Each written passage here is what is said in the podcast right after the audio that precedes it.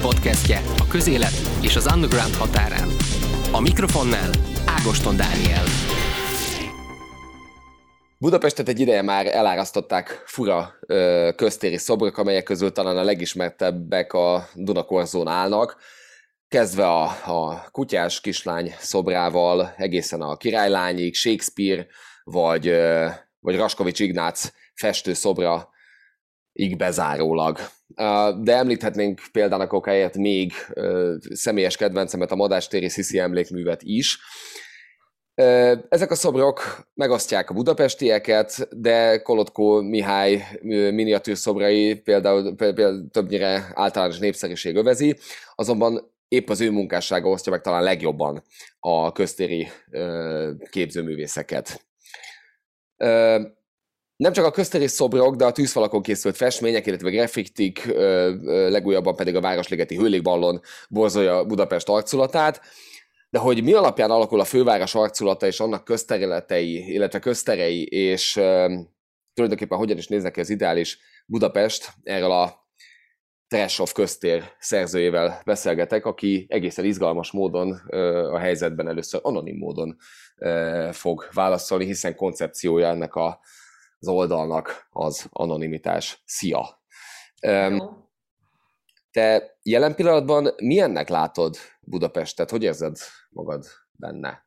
Tehát, hogyha te végigsétálsz Budapest utcáján, és elsétálsz a, a József Attila úton, ö, egészen mondjuk éppen az említett ö, Dunakorzón át, egészen mondjuk a, a, a gentrifikálódó nyolcadik kerületig, akkor te, te milyennek látod a főváros? Milyennek látod mondjuk annak tükrében, hogy mondjuk a 32-esek terén áll egy szobor, és mondjuk els, átsétálsz a Madács téren, nem messze, sokkal messzebb onnan, és, és ott áll Sziszinek az emlékműve, amit bár a független riporter szerepében kellene tetszelegnem, de egy sajt szelettel áll szegény a, a talapzaton, és te ezt így hogy érzed? Hát alapvetően nagyon kaotikusnak látom, hogy mi történik a mostanában, vagy nem mostanában az elmúlt 30 évben Budapest közterein, főleg a szobrokkal kapcsolatban. Azt hiszem különbséget kell tennünk egyébként emlékművek és dekorációs szobrok között de hát mind a két műfajban nagyon vegyes a felhozatal, és a vegyes rész inkább a, a negatív vegyes, se tudnám leírni. Hát igen, tehát csak azokat, amiket említettél, nyilván ezek nagyon ismert szobrok, alapvetően ilyen zsáner, gics megközelítésben interpretálnak bizonyos történelmi vagy popkulturális jelenségeket. Hogy ezzel van-e probléma? Hát szerintem van, nyilvánvalóan ezért is kezdődött el ez a, ez a, ez a projekt, a Trash of Köztér, hogy ezt tematizáljuk ami egyszerűen nem csak a kaotikusságról, hanem ugye a számosságról is szó van. Tehát ugye rengeteg szoborról beszélünk. Budapesten több ezer szobor van jelenleg, ennek a nagy részét, a, a, vagy nem, nem tudom, hogy pontosan százalékosan mennyi, de nagyon sokat az ilyen rendszerváltás után elítottak, illetve az elmúlt 12 évben látjuk, hogy nagyon sok új szobor került ki a köztérre.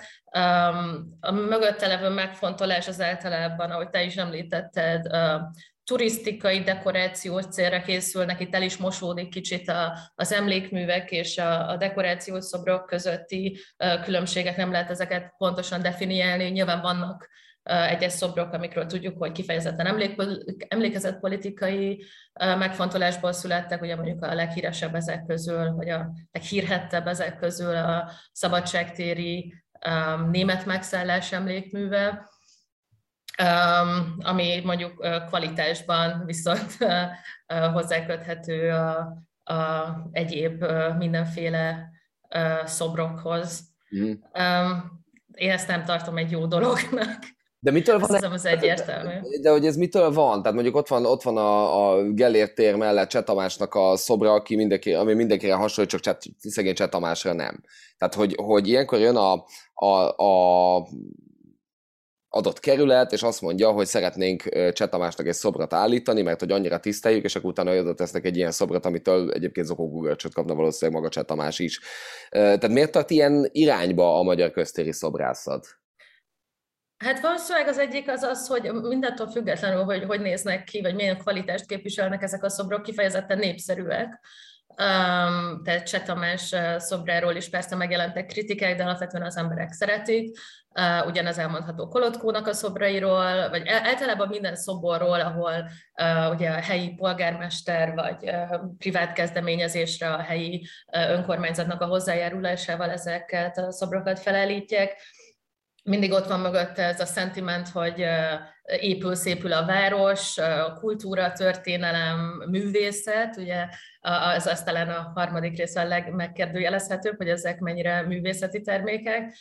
Um, Alapvetően um, szerintem én úgy látom, hogy a, a legnagyobb motiváció emögött egyáltalán az, hogy valami legyen, uh, valamit állítsunk oda, azt fel lehet avatni, az emberek elsétálnak mellette, látják, hogy a helyi polgármester vagy valamilyen szervezet uh, valamit hozzátett tulajdonképpen a közhöz. Uh, a probléma inkább nálam ott van, hogy, hogy hogy és mit teszünk hozzá a közhöz, hogy az hogy néz ki, milyen kvalitást képvisel, milyen vizuális uh, rendszer épül ki a, fővárosnak a, terein.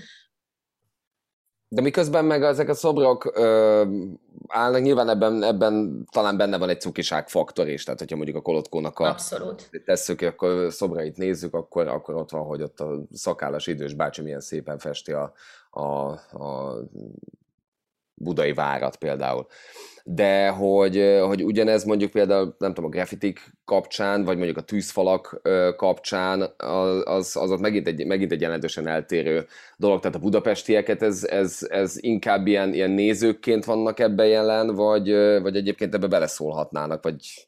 Alapvetően teljesen egyértelmű, hogy csak nézőként van mindenki jelen, hiszen ezek a, akár a tűzfalfestményekről, ha beszélünk, akár hogyha ezekről a szobrokról beszélünk, nem jellemző az, hogy lenne bármiféle konzultáció, a helyi lakosokkal, vagy a kerület lakosaival, vagy Budapest lakosaival, bármilyen lakossal nem szokott semmilyen platformot, nem szoktak erre létrehozni, hogy az emberek elmondhassák a véleményüket, illetve maga a, a pályáztatási rendszer is a legtöbbször ezek megrendelésre készülnek. A szobrok esetén pont a Sziszi szobornál ott, ott emlékszem, hogy ott a, közgyűlésen ott valaki valamelyik ellenzéki politikus fel is vetette, hogy esetleg lehetett volna egy open call csinálni, amire a, a az akkori önkormányzatnak az egyik tagja azt válaszolta, hogy de hát minek, ez egy fontos dolog, itt elég, hogyha egy ember tudja, hogy miről van szó. Nyilvánvalóan ez nem így kéne, hogy működjön.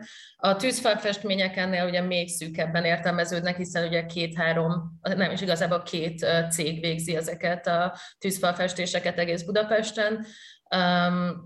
Ugye azt hiszem a hetedik kerületben vannak ezek a leg, leginkább jelen, igen, én erről úgy tudom. Igen, hogy a Neopaint meg a Színes Város. Igen, ez, ez a két cég viszi ezeket.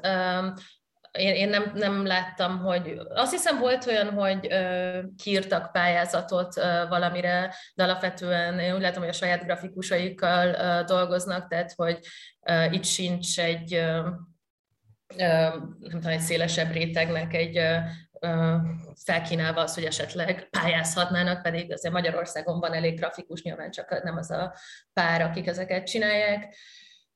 De hát itt is ugye láttuk, hogy mondjuk a hetedik kerületben, ahol tényleg a legtöbb ilyen van, ott is ilyen helyi témákra valamilyen festést akarnak csinálni. Én úgy tudom, hogy ez kifejezetten turisztikai célral készültek, és nem, nem, nem, nem, nem értek kifejezetten a grafikához, illetve a murália festészethez, de hetedik kerületi lakosként egyébként nem, nem feltétlenül nyerték el a tetszésemet. De, erre, szólva sem. de hogy erre nincs valami intézményesített rendszer, ami, ami hogy megmondják, hogy, hogy mi mehet ki és mi nem?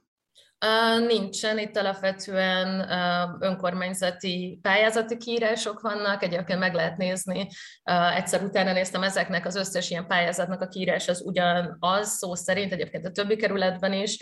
Ugyanazt a pályázati kiírást használják, ez körülbelül 50 millió forint egy darab tűzfalnak a megfestésére, amit általában ez a két cég elnyer Um, és ezt um, nincsen erre felállítva egy bizottság, vagy én legalábbis nem, nem találtam arra utaló uh, nyomot, hogy itt bármiféle bizottság, uh, akár szakmai bizottság, ugye, ami valószínűleg uh, nem véletlen, hogy a nemzetközi köztéri esztétika formálódásán általában vannak ilyen bizottságok, akik szakmai alapon, akár művészettörténészek, építészek, urbanisták, nem tudom, kicsodák ezt, akkor összeülnek és, és megtárgyalják, hogy mi mehet ki és mi nem. Régebben egyébként a köztéri szobrászatra volt ilyen szervezet, országosan ezt a, a képzőművészeti lektorátusnak a feladata volt, hogy ajánlásokat tegyenek, tehát az nem, nem volt kötelező érvényű az ő javaslatuk, de hogyha valamilyen településnek az önkormányzata szeretett volna valamilyen új köztéri szobrot állítani, akkor a terveket benyújthatták, akkor erre létrehoztak egy bizottságot, ami művészettörténészek, szobrászok, stb. kértek fel, akik aztán erre adtak valamiféle feedbacket, javaslatokat, ezek általában formai javaslatok voltak, szóval tartalomban nem szóltak bele, de formai javaslatokat tettek, hogy hogy lehet valami arányosabb, esztétikusabb, professzionálisabb, stb. Budapesten ezt, ha jól emlékszem, akkor ezt a Budapest Galéria végezte, de azt például nem tudom, hogy ebbe beleszámítottak-e falfestmények, hiszen ez alapvetően egy újabb műfaj, ami az elmúlt 10-15 évben vált népszerűvé előtte. Ne, nem tudom, hogy, hogy ez, ez például hozzátartozott mondjuk ezeknek a bizottságoknak a, a feladatához, hogy erről mondjanak valamit. És tehát, hogy ezek szerint csak javaslatot tehet néha egy-egy, vagy tehet egyáltalán javaslatot bárki arra, hogy, hogy ez hogy nézzen ki, vagy ezek a szobrászoknak, megrendelőknek mondjuk szobrok esetében, hogy, hogy, hogy esetleg nem biztos, hogy túl ízlésesen néz ki, meg egyáltalán van bármi értelme egy labdázó kislányt oda tenni a, a Dunakorzóra túl azon, hogy egyébként a turisták nyilván fotózkodnak vele, de, de ezt nem, de ezt nem fontos elfogadniuk. Hát jelenleg nincs is ilyen szervezet, mert hogy a, a, a lektorátusnak ezt a, ez a feladatköre ez elvesztette a, a függetlenségét, amikor 2012 körül ez bekerült a mank alá, és akkor a, a, a, ezért a területért felelős embereknek a nagy része azt fel is mondott, tehát javaslatot persze most is tehet bárki, és szerintem elég sok javaslat születik kommentekbe, meg akár ezeken a közgyűléseken, viszont ugye mindig itt van ez, hogy a, a közterek felett tulajdonképpen a helyi önkormányzatnak van egyfajta monopóliuma, tehát tulajdonképpen azt csinálnak, amit akarnak. Uh-huh és hát akárhol mondjuk az emlékmű, konkrétan emlékművekre visszatérünk, hát ezért elég sok, elég erős szakmai és civil kritika megfogalmazódott például ugye a szabadságtéri emlékmű kapcsán, ahol aztán ugye éveken keresztül folyamatos demonstrációs, folyamatos programokkal próbálták felhívni a figyelmet arra, hogy ez miért problematikus. Ez a szobor ez ugye nem csak formailag, hanem ideológiailag, történelmileg is egy problémás emlékmű de alapvetően nem nyitottak az önkormányzatok arra, hogy bármiféle külső javaslat ezt befolyásolják. Erre azért elég jó példa, hogy ne csak a NER szoborállítási politikáját nézzük, de ugye nem tudom, emlékeznek-e a hallgatók, a, a 9. kerületben múlt hónapban Baranyi Kriszta javasol, vagy keresett tűzfalat egy tűzfalfestménynek, egy Szenes Hanna emlékmű, emlékfestménynek, ami szintén, hát mert a komment folyamban a, a nem, nem szakértők, hanem egyszerű emberek kiborultak azon, hogy egyszerűen milyen a, a grafikai megoldás, hogy egyszerűen uh, méltatlan a, az emlék annak az embernek a személyével, illetve a mártírsága, ami, amit Szenes Anna képvisel, nem úgy tűnik, hogy Baranyi Kriszta ezt figyelembe volna. Is, de ő tulajdonképpen a kommentelőkre annyit válaszolt, hogy neki például tetszik, illetve ugye nagyon fontos egy másik aspektus ezeknek a szobroknak és különböző emlékműveknek vagy dekorációknak, hogy mennyibe kerül, mm. és ugye például abban az esetben egy, egy ajándékról van szó, amit egy amerikai, egyébként nem független szervezet ajánlott fel a 9. kerületnek. Ez ugyanolyan úgy problémás, mint a Roskovics, Roskovics szobor a, igen, igen, igen. a Dunaparton, ami szintén egy diplomáciai ajándék. De ugye van egy ilyen Skanderbég töredék szobrunk is, ami szintén egy diplomáciai ajándék. Amire értjük, hogy, hogy itt más más élvezi a prioritást, mint az, hogy egyébként az adott közösségnek mit jelent ez a szobor, vagy az emlékmű. Ettől függetlenül talán diplomáciai ajándékokra is lehet nemet mondani, vagy esetleg alternatív javaslatot tenni arról, hogy esetleg hogy nézzen ki, hova kerüljön, egyáltalán szüksége van egy ilyen szoborra vagy emlékműre Budapesten. Na most, hogyha volt ö, ilyen ö, bizottság, ami gyakorlatilag ezt, ezt némileg ö, felügyelt, ez hogy épült le?